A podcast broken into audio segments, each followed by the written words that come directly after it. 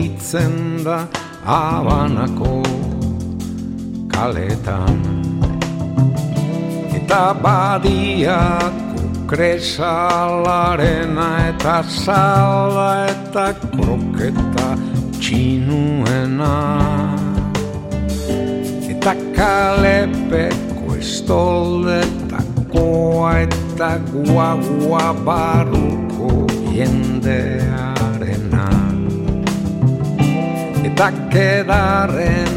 eta kafesnearena eta automobilen kearena Uaia pastela bezain ¿Qué tal estáis? Os agradecemos la escucha de este programa La Casa de la Palabra.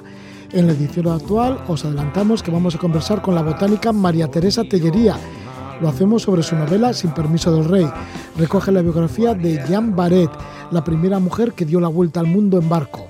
Gran experta en plantas, Jean se disfrazó de hombre para participar en la expedición científica comandada por Luis Antoine de Bougainville Conversaremos también con el periodista y escritor Xavier Moret sobre su libro Historias de Japón. Ha hecho un compendio de lo vivido durante siete viajes para conformar una obra que es una guía de viajes y cultura japonesa. Una visita al país de los samuráis, del sushi y de la tecnología punta narrado por uno de los mejores autores de literatura de viajes como es Xavier Moret. Escuchamos ahora a María Teresa Tellería y su novela Sin permiso del rey. Laisse tomber les filles, laisse tomber les filles, un jour c'est toi qu'on le sera. Laisse tomber les filles, laisse tomber filles, un jour c'est toi qui pourra. Oui, je pleurais, mais ce jour-là, je ne pourrais pas, non, je ne pourrais pas. Je dirais c'est bien fait pour toi, je dirais ça t'apprendra, je dirais ça t'apprendra. Laisse tomber la fille, laisse la fille, ça te jura en futur. Laisse tomber la fille, laisse tomber la fille, tu le paieras en de ce jour. On ne dit pas impunément avec un cœur innocent, avec un cœur innocent. Tu verras ce que je ressens avant qu'il ne soit longtemps, avant qu'il ne soit seul que blessé. Tu n'auras personne te consoler, pas volé.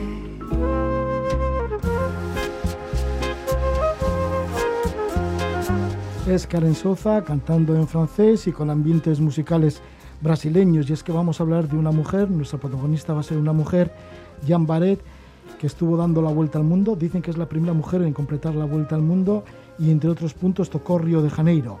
Pues sí, la francesa Jean Barret, gran amante de las plantas y la botánica.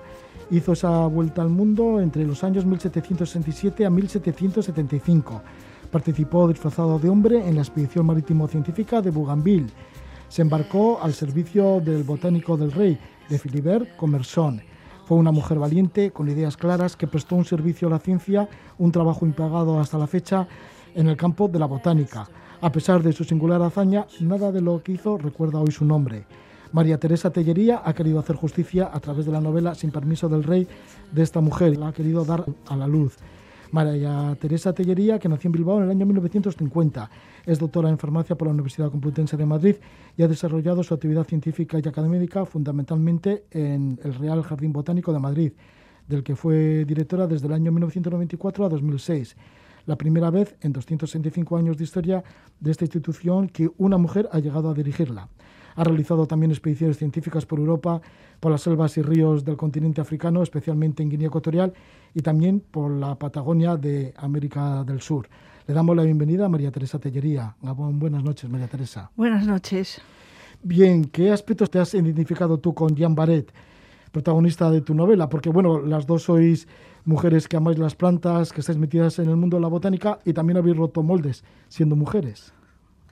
Bueno, pues sí, tengo eh, algunos aspectos ya, eh, tengo algunos aspectos en común con Jan Barrett, como muy bien dices, uno de ellos es el de ser mujer, otro el de tener una vocación por, por la exploración, sobre todo enfocada en, descubrir em, el mundo natural y más concretamente el mundo de la botánica. También como ella he viajado, no he llegado a dar la vuelta al mundo en una expedición científico-marítima como la suya, pero también me he movido bastante por el mundo con ese enfoque de la exploración científica. Y, pero tengo también bastantes cosas o algunas cosas que me separan de ella, que me separan de ella sobre todo para suerte mía, porque Jan Barrett vivió en el siglo XVIII, el siglo de las luces, en que las mujeres no lo tenían tan fácil como lo tenemos ahora, en que debió disfrazarse de hombre, como muy bien decías, y como criado del botánico Comerson enrolarse en la expedición.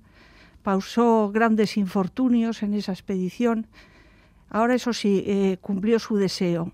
Lo que le pasó a Jan Barrett mm, durante su vida y en la posteridad es que no se reconoció la labor que ella hizo, no pasó de ser una ayudante del botánico, un ayudante del botánico, porque iba disfrazado de hombre y pues en mi caso no ha sido así. Yo he podido desarrollar plenamente mi, mi, carrera científica eh, pues sin, sin esas trabas ni cortapisas. ¿Cómo has conseguido recomponer la odisea de una mujer que arriesgó la vida por la libertad y la ciencia? Porque ella no dejó nada escrito. Entonces, ¿cómo has conseguido hilvanar toda su historia? Bueno, pues lo he tenido que hacer a través de, la mirada de los otros, de los diarios de, de, viaje de los que con ella compartieron aventura.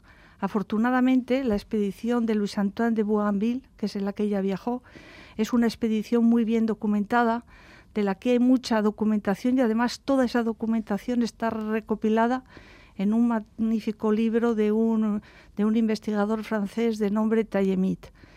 Eh, además de eso, la parte que no corresponde a lo que es propiamente cuando estuvo embarcada, todos los años que transcurrieron, por ejemplo, por ejemplo en Isla de Francia, la estancia en Batavia, pues todo eso lo he documentado sobre la base de libros de época, es decir, donde narran cómo era la Isla de Francia, que hoy es Mauricio, en el siglo XVIII, o cómo era Batavia, que hoy es Yakarta, también en el siglo XVIII. Jean Ballet nació en la región de Borgoña, en el centro de Francia, en 1740. ¿Cuál es eh, esa vocación que tenía por las plantas? Porque parece ser que fue desde muy pequeñita. Sí, porque fue la vocación esa fue gracias a su madre. Su madre conocía muy bien las propiedades medicinales de las plantas, tenía conocimiento empírico sobre las propiedades que tenían las plantas y se lo transmitió a ella es a partir de ahí cuando ella, sea, eh, a, base de acompañar a su madre a recolectar las plantas, a base de, acompañarle a prepararlas, a secarlas, a ir al mercado a venderlas y demás, pues ella se va aficionando y adquiriendo un conocimiento también empírico con el, como el de su madre, pero que bueno, es un conocimiento que luego le abrió las puertas de poder acceder al botánico comersón y al final le abrió las puertas del mundo. Sí, ella se quedó huérfano y sí que puso los ojos en este botánico, en Philibert Conversón.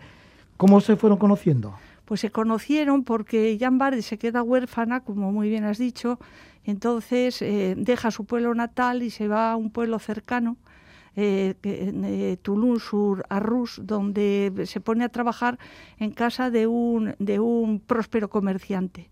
Entonces a ese pueblo llega como médico rural Philibert Comerson con su mujer Vivante Bo, que era a su vez la hermana del párroco del pueblo. Entonces eh, Comerson eh, llega mm, rodeado de un aura de hombre de ciencia.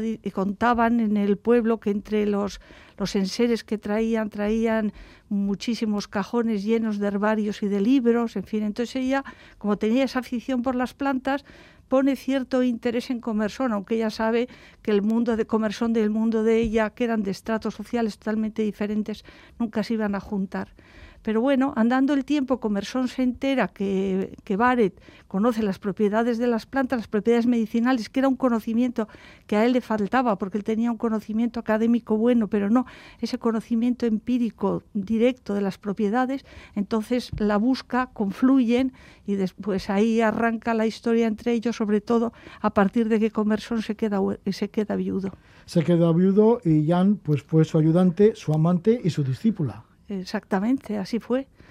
Y parece ser que estaba mal mirado, ¿no? Felipe Mersón, porque a pesar de que era viudo, pues estaba con esta mujer. Exactamente, y sobre todo estaba mal mirado por el pueblo, que era en un pueblo pequeño de la Francia rural en el siglo XVIII, esa relación era una relación escandalosa, sobre todo viniendo del cuñado del párroco que vivía en concubinato con, con, su sirvienta, que además se queda embarazada. Que además se queda embarazada y se marchan, como había escándalo, se marchan a París. Exactamente, se marchan a París y también se marchan a París llamados de algún modo por los amigos de Commerson, sobre todo por Lalande.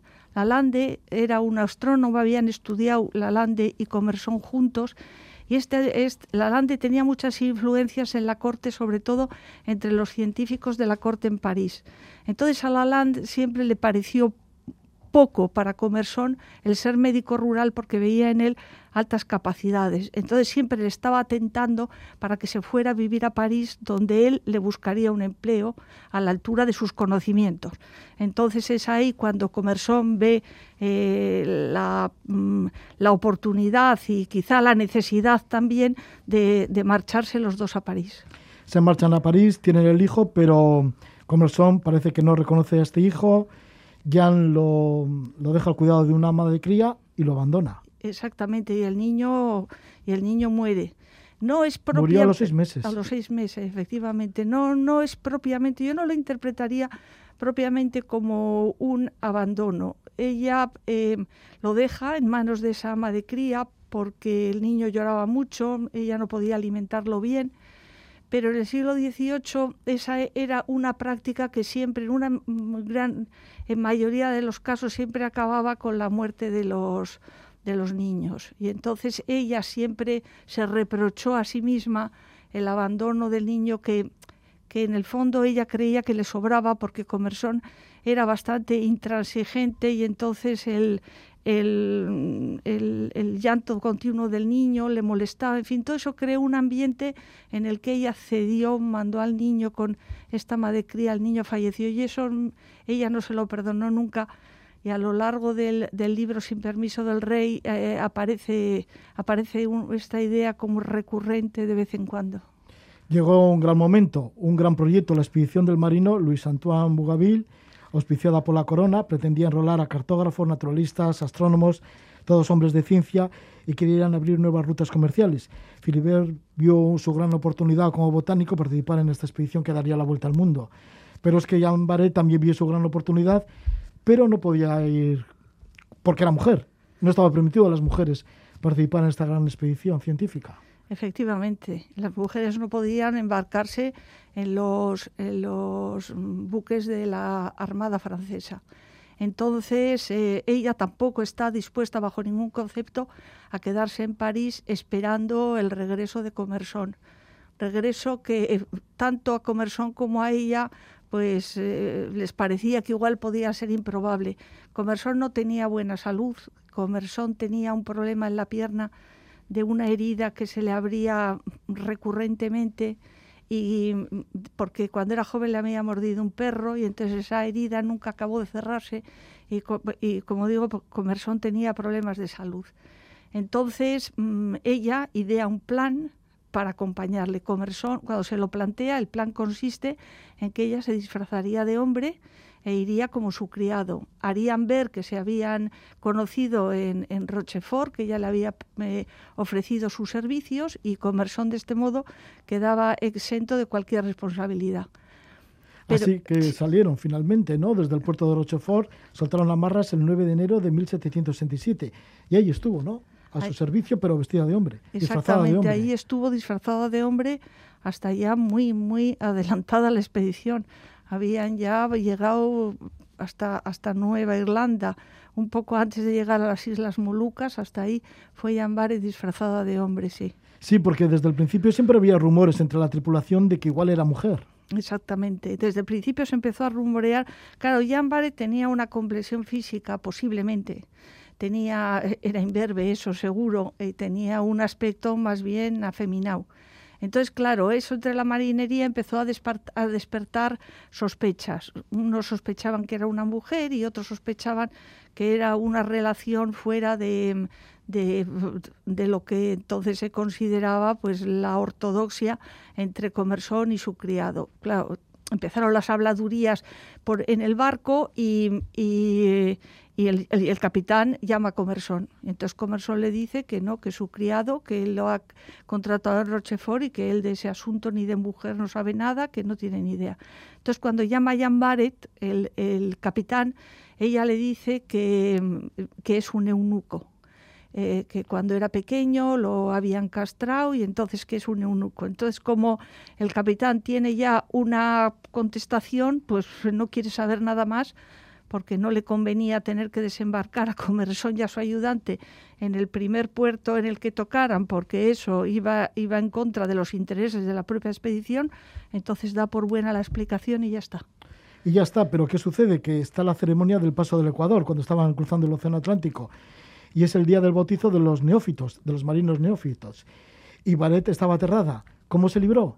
Porque creo que entre las bromas que utilizan o o lo que hacen para este bautizo pues es desnudar a la tripulación. Exactamente, los desnudaban, los ponían en una fila y los iban metiendo en una especie de esquife o de chinchorro lleno de unas aguas nauseabundas y putrefactas y allí los iban bautizando. Era una especie de ceremonia de iniciación.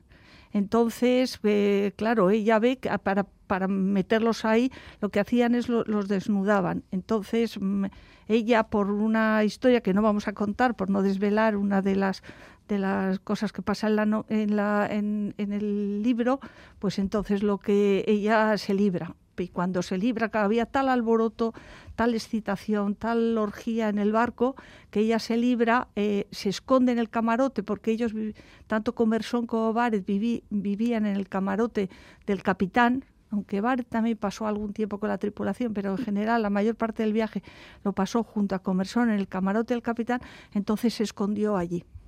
Se escondió allí y de esta manera también se libró. Pero bueno, los rumores seguían y siguieron durante todo el viaje. Bueno, y al final no sabremos si se descubrió o no que era mujer, que era mujer, porque eso es para el que lo lea la novela, pero bueno, ya comentaremos algunas anécdotas más sobre, sobre todo ello, porque sí. bueno, algunas fueron bastante fuertes incluso.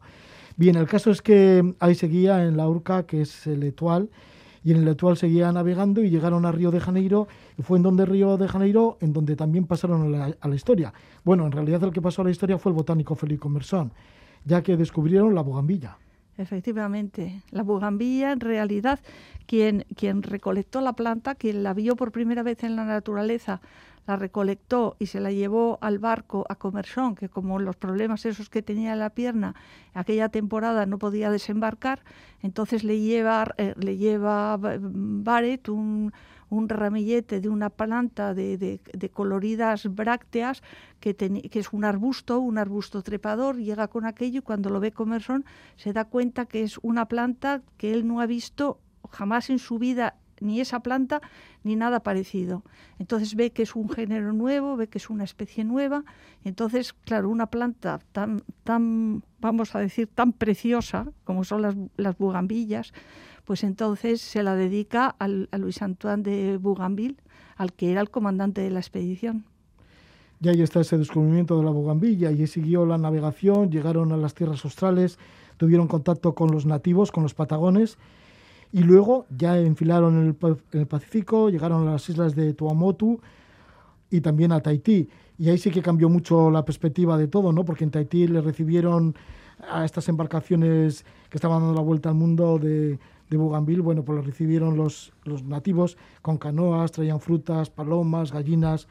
Las mujeres parece que desataron el delirio, por lo que cuentas tú en la novela, entre la tripulación, iban prácticamente desnudas y fíjate lo que suponía para esta tripulación, ¿no? que después de tantos meses navegando y sin ver ninguna mujer, pues encontraste con, encontrarse con estas maravillas en Tahití. Claro, que parece que, que, que, para ellos habían llegado al paraíso, hasta tal punto que el nombre que pusieron a las islas eran de la Nouvelle Citer.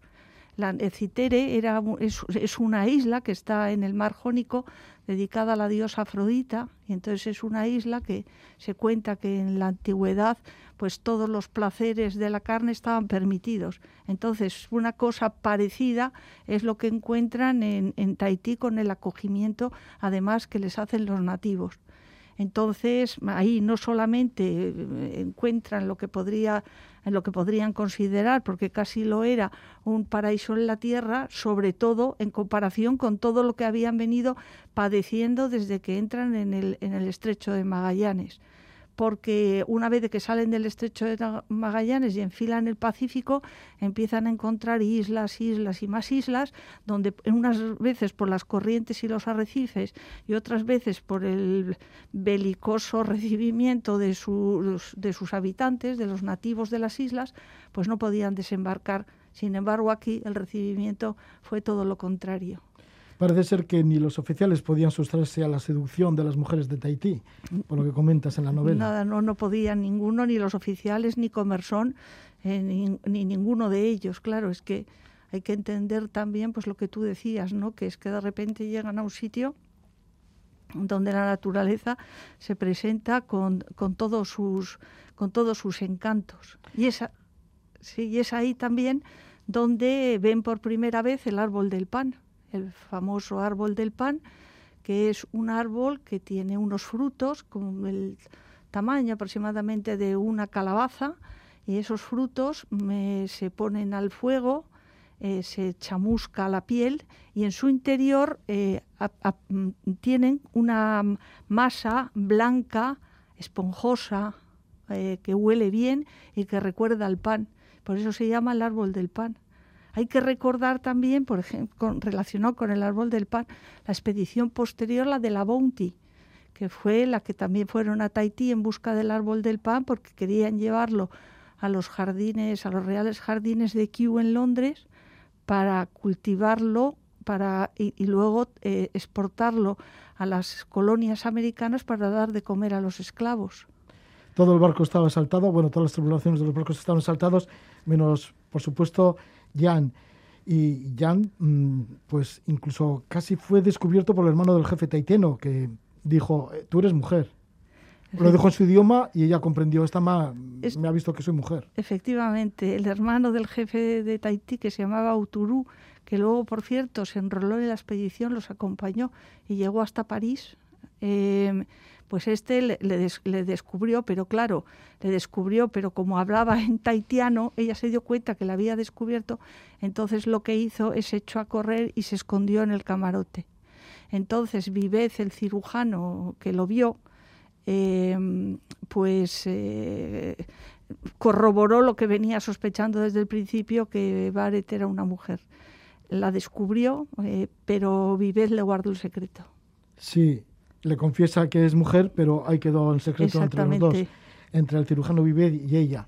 Pero bueno, siguieron navegando, hubo muchas calamidades, pues ahí por el Pacífico no llegaron las islas de la sociedad, llegó el escorbuto, también las enfermedades venéreas. El caso es que muchas veces querían desembarcar, pero los nativos les, les disparaban flechas, otras veces había arrecifes y no podía ser. Así que la situación se estaba complicando mucho. La situación se estaba complicando mucho, muchísimo, hasta que llegaron a las Islas Molucas, que ese ya era el, estaban bajo, el, bajo el, dominio de los holandeses a través de la compañía holandesa de las Indias Orientales por la explotación que hacían ahí de las especias, sobre todo del clavo y de la nuez moscada. Tenían ahí un negocio que habían arrebatado los holandeses a los portugueses.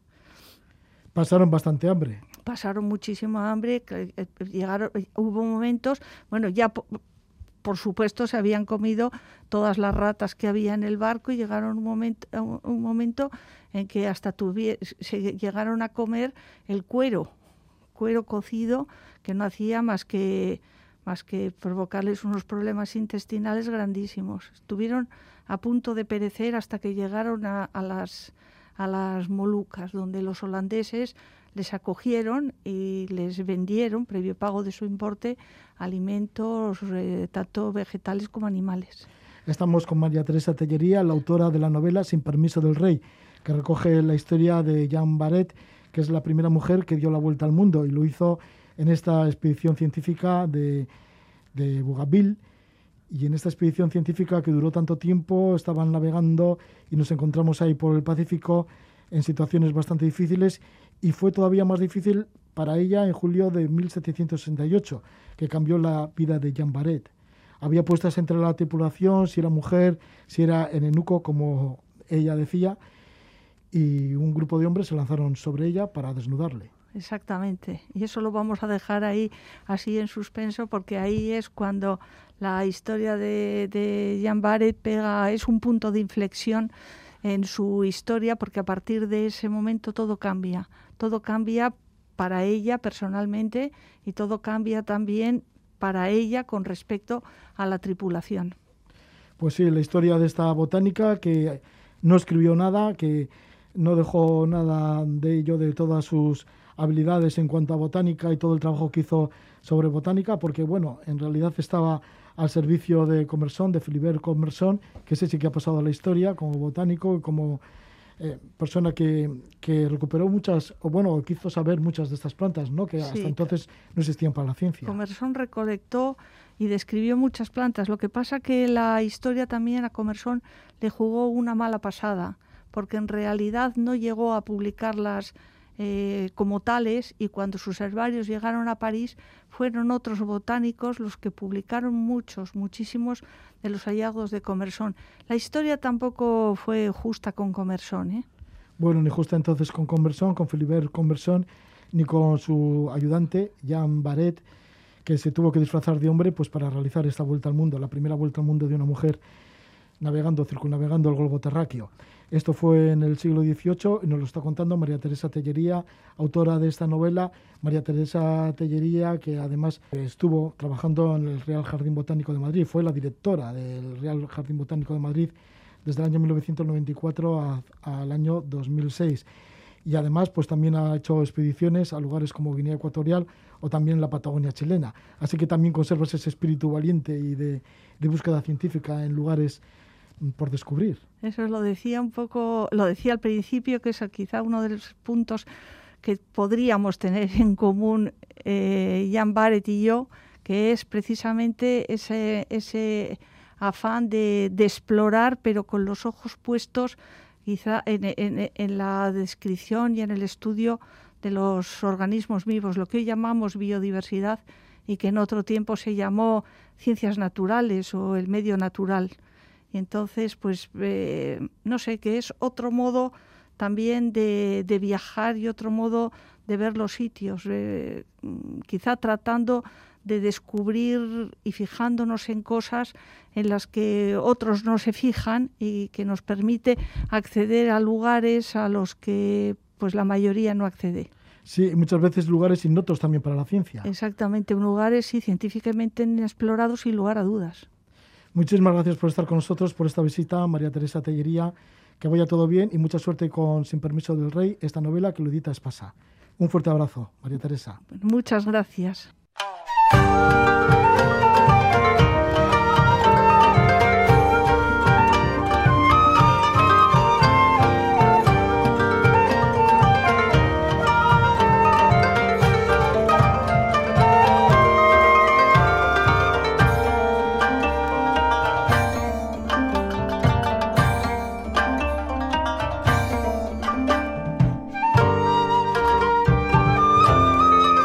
Es música que nos llega desde Japón, lo hace a un Ye Classic Orchestra. Y enseguida estamos con Xavier Moret que nos habla de su libro Historias de Japón.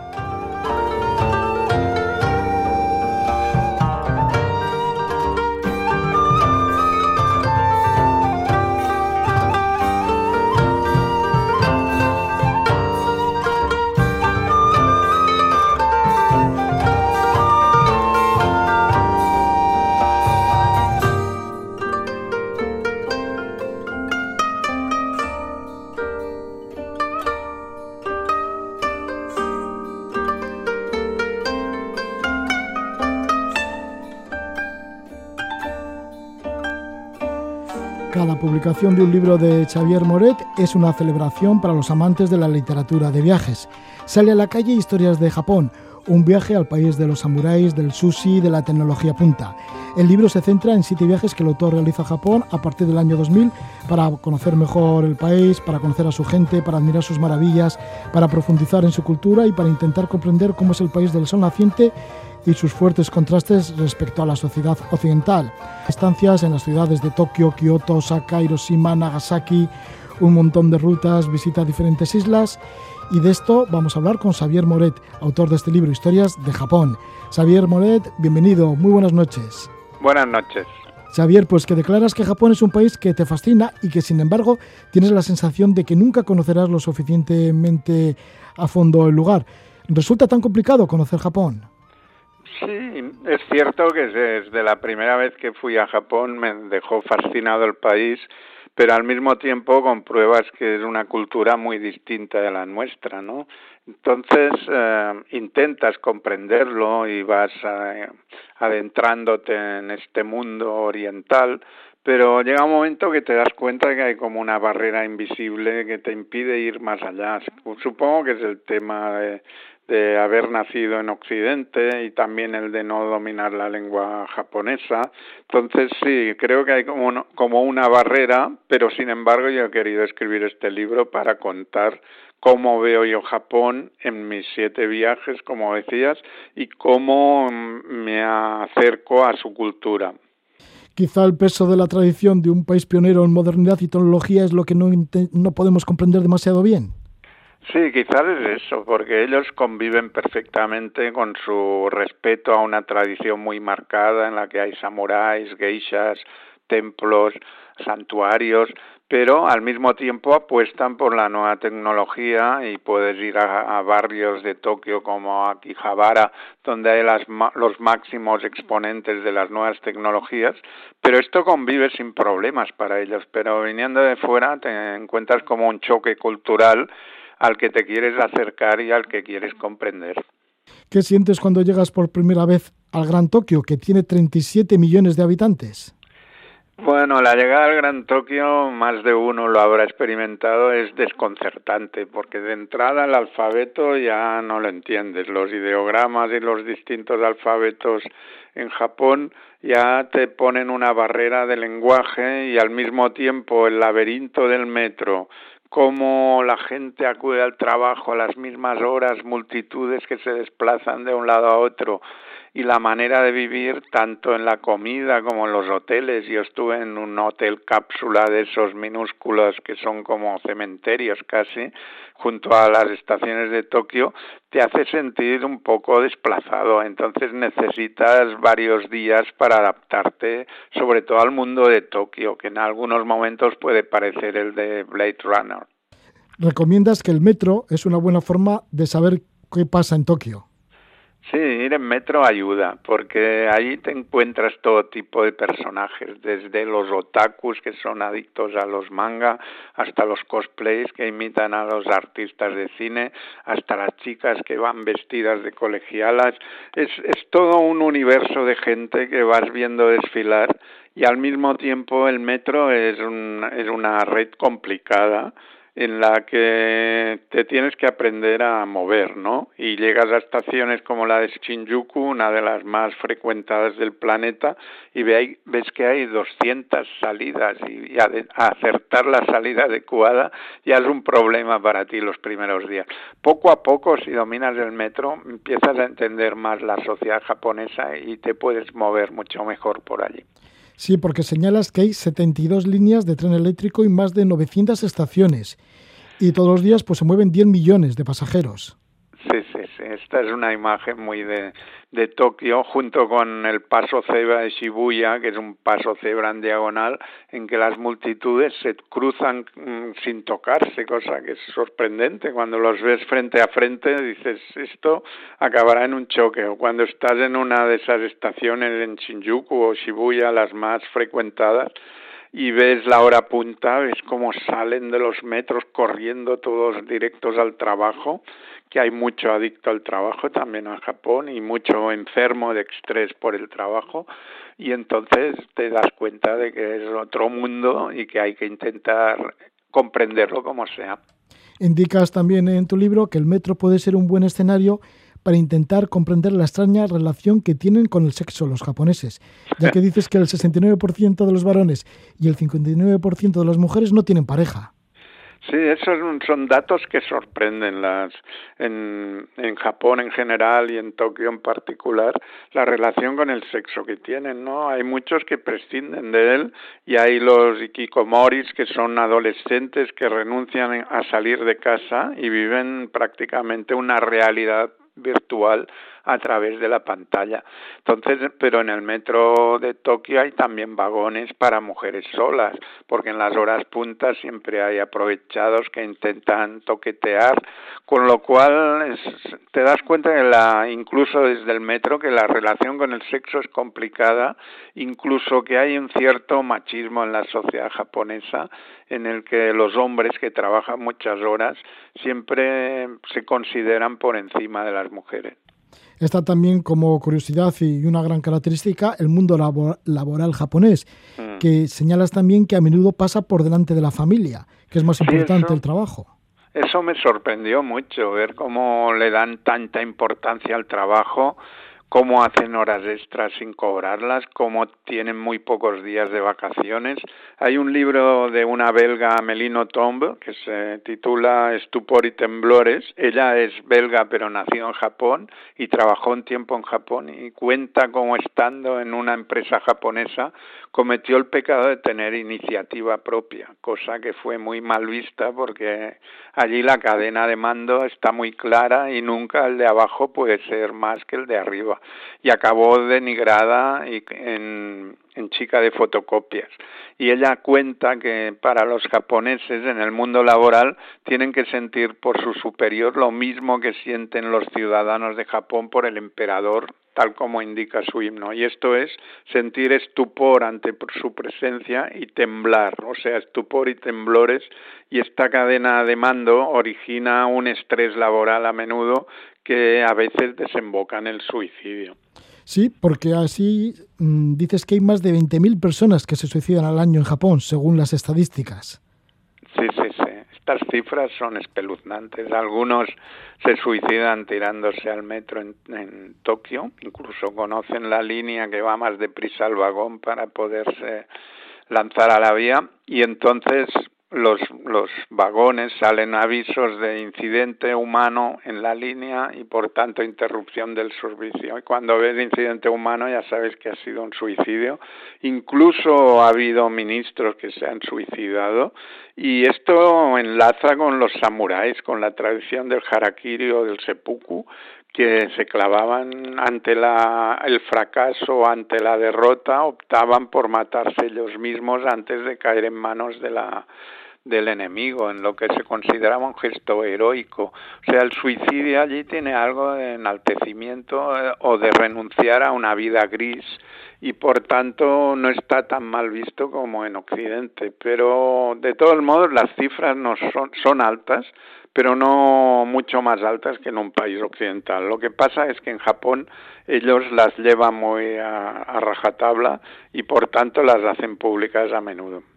Xavier, en este libro Historias de Japón, además de contar historias de Japón, de contar la cultura japonesa, las tradiciones y demás, pues también nos puede servir muy bien para acudir a estas ciudades, ¿no? Entre ellas a Tokio como guía, como guía um, viajera. ¿Dónde nos aconsejas? ¿Cuál es buen lugar para empezar a pasear por Tokio? ¿Cuál es el barrio así en donde empezarías a pasear por él? Para hacerte una idea de lo que es la ciudad. Sí, en Tokio yo empezaría yendo en metro, como te decía. Se puede ir en tren desde el aeropuerto hasta el centro de Tokio y esta ya es una experiencia. Y luego, si me inclinara por algún barrio, sería Shibuya, donde está el famoso Paso Cebra.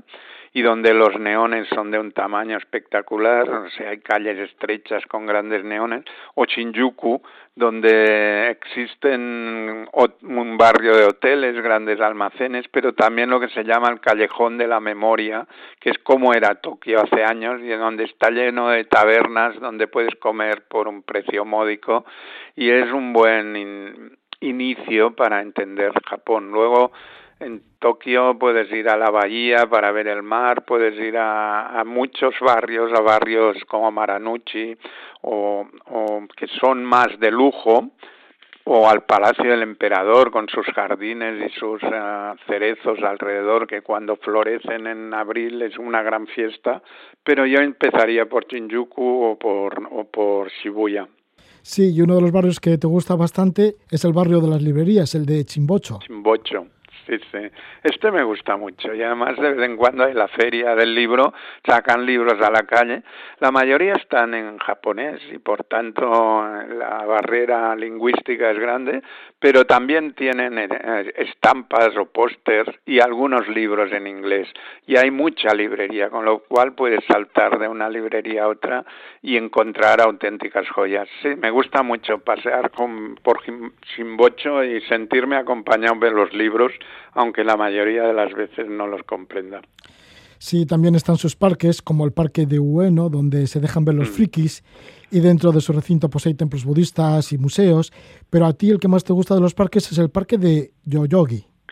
Sí, me gusta mucho Yoyogi porque en el fin de semana van los rockabilis, estos que se disfrazan de rockers, hay mucha gente en bicicleta o paseando el perro, es un barrio muy agradable, donde por cierto ahora en los Juegos Olímpicos hay algunos escenarios de deportes que se celebrarán allí y junto al mismo hay un santuario shintoísta que es como un bosque que envuelve a un templo en el centro y me gusta ver esto, tanto la gente que pasea por el parque como la gente que entra en el santuario y de algún modo ves que la religión sintoísta, que es la mayoritaria en Japón, uh, junta la veneración por la naturaleza con la de los dioses, ¿no? Y se funden de algún modo la naturaleza y los templos, con lo cual da idea de una civilización muy distinta a la, a la nuestra. Suelen ser un oasis de paz en medio de esta gran ciudad de Tokio estos templos y santuarios? Porque los santuarios son para la religión sintoísta, ¿no? Mientras que el templo es para los budistas. Sí, es eso. Sí, son oasis de paz. Yo recomiendo mucho visitar los templos, el de Asakusa, que es budista. Te das cuenta, este es más turístico, pero te das cuenta que es una ciudad muy distinta. Aquí insisten más en la tradición, mientras que el resto de la ciudad ya domina la tecnología punta y los coches.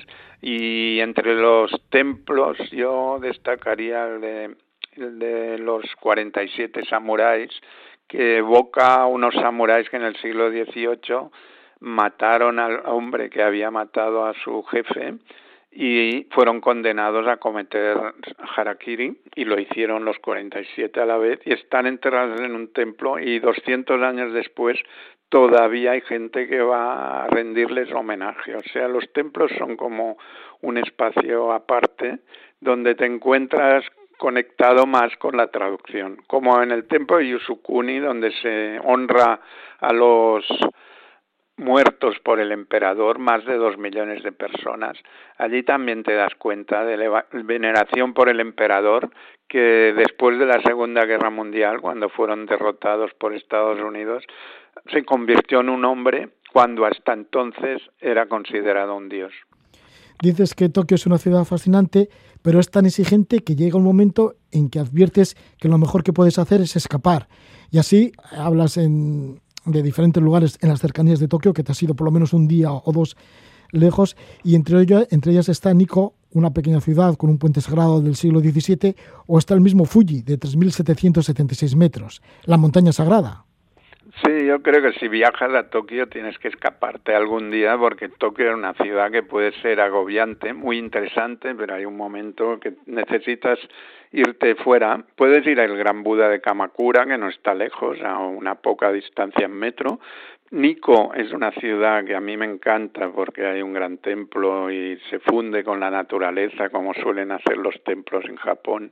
Y hay un paisaje maravilloso y los alrededores del monte Fuji, que es la montaña sagrada del Japón, también están llenos de lagos que permiten una perspectiva muy bonita del, Fuji, de este que hemos visto fotografiado mil veces o en estampas que en Japón se repiten mucho porque Fuji es como la montaña sagrada, la montaña venerada por todos los japoneses te mueves mucho en el metro en Tokio y te mueves mucho también para salir a las, a las cercanías de Tokio y también cuando vas de un lugar a otro. Por ejemplo, cuando llegas a Hiroshima, Kioto y otras ciudades, ¿no? Como Nagasaki o Osaka. Sí, lo bueno de Japón es que es un país no muy grande, es más pequeño que España, pero poblado por 130 millones de personas, o sea, muy poblado, pero tiene el Shinkansen, que es el tren bala, que te permite ir de un lado a otro a una velocidad y a una comodidad ejemplares, ¿no?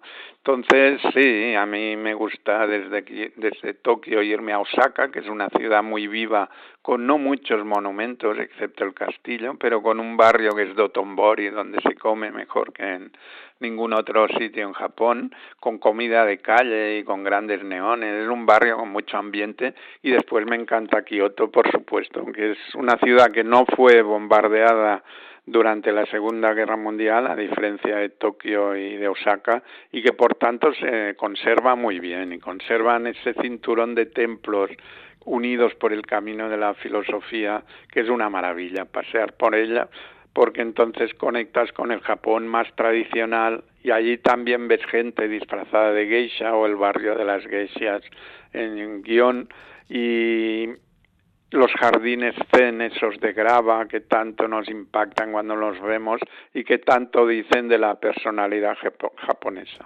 Kioto que cuenta con 2.000 templos, pero también Osaka que puede ser el contrapunto de Kioto porque ya es como más bueno, incluso dices que es una ciudad que sí que es muy vitalista, pero que no es muy bonita.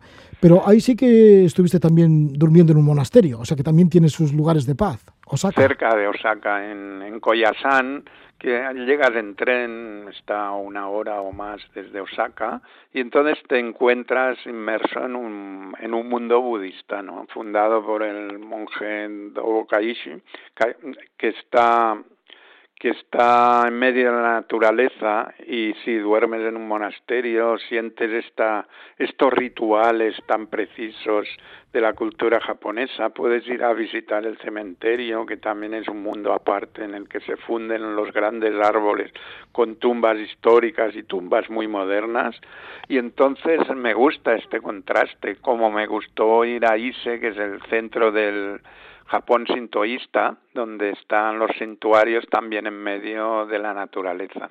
Cuando estás en el monasterio, ¿qué compartes? ¿La comida? ¿También participas en las plegarias y así de los monjes?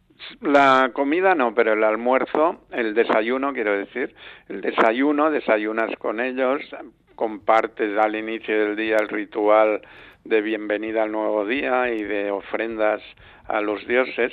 Y entonces sí comes ahí eh, a la japonesa encima del tatami en una mesa baja y sientes de algún modo como te conectas con ese mundo. Además la habitación es como los ryokanes que son las posadas tradicionales con tatami en el suelo sin cama ah, con un con un colchón que lo retiras cuando te levantas por la mañana y por la noche lo extiendes y con ventanas abiertas a, la naturaleza, que es la gran conexión que tienen los japoneses con ese mundo. Sí, hablas, como, como decíamos, del Fuji, esa montaña sagrada con una silueta inconfundible de forma cónica y la cima nevada, pero también has estado en los Alpes japoneses. Sí, este es otro mundo. Me gustó mucho visitar, porque las ciudades son muy interesantes en Japón, pero cuando sales a la montaña sigue siendo igual de interesante, ¿no? Y entonces ah, allí visitas pueblos ah, que mm, durante parte del año están cubiertos de nieve. Ahí es muy adecuado leer la novela de Kawabata, Premio Nobel País de Nieve. Y entonces uh, yo estuve en Shirakawa-go, que es un pueblecito de montaña que las que las casas tienen el tejado muy inclinado por la nieve, pero las llaman casas de rezar porque parece la posición que adoptas cuando las manos cuando rezas, ¿no? Y entonces moverte por los Alpes japoneses y estar en un onsen, que son los baños tradicionales, y dormir en un ryokan, la posada tradicional, te conecta mucho con ese mundo rural de Japón, que es el contrapunto al mundo de las grandes ciudades. También has estado en grandes ciudades, bueno, y históricas ciudades. Esto lamentablemente por la bomba atómica como Hiroshima o Nagasaki. Estamos hablando de agosto del año 1945. Nagasaki fue tres días después de Hiroshima. Y en Nagasaki ya solo murieron 73.884 personas. Y ahí está su famoso Parque de la Paz. Pero también estuviste en una península volcánica que hay baños de arena.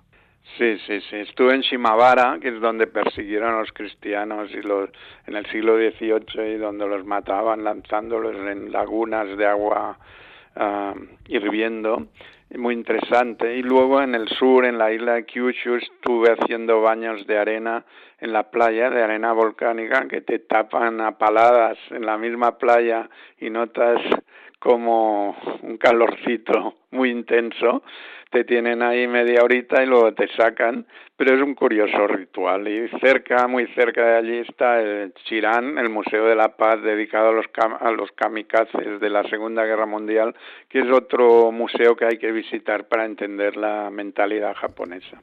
¿Queda todavía ese recuerdo? Bueno, no va a quedar, claro que sí, el recuerdo de la bomba atómica, ¿está muy presente? Sí está mucho. En Hiroshima lo notas más que en Nagasaki. Hiroshima se mantiene la cúpula, está el esqueleto de una cúpula que han dejado como testigo del horror de la guerra. Está el museo también para recordarlo y entonces está muy presente desde que llegas en Shinkansen a la estación de Hiroshima. Las fotos son de la Segunda Guerra Mundial y de contraste en cómo era antes la ciudad y cómo quedó después de la de la bomba atómica. Es terrible el recuerdo, pero ellos insisten en que hay que mantenerlo para no repetirlo. Pues hay muchos recuerdos, muchos recuerdos que están transcritos en este libro, Historias de Japón, de su autor, de Xavier Moret. Estamos con Xavier Moret y el libro lo edita Península. Le agradecemos muchísimo al periodista y escritor Xavier Moret que esté una vez más con nosotros acompañándonos y, y ofreciéndonos no solo estas palabras, sino que también un libro, un libro que merece mucho la pena leerlo. Gracias por ello, Xavier Moret. Gracias a ti, Roger.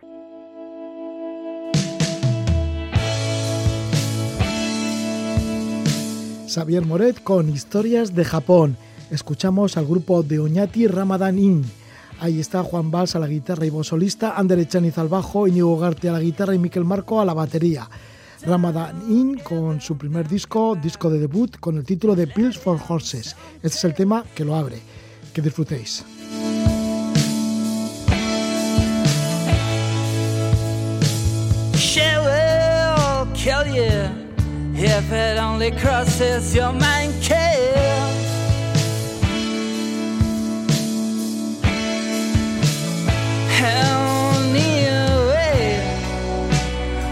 fishes drown.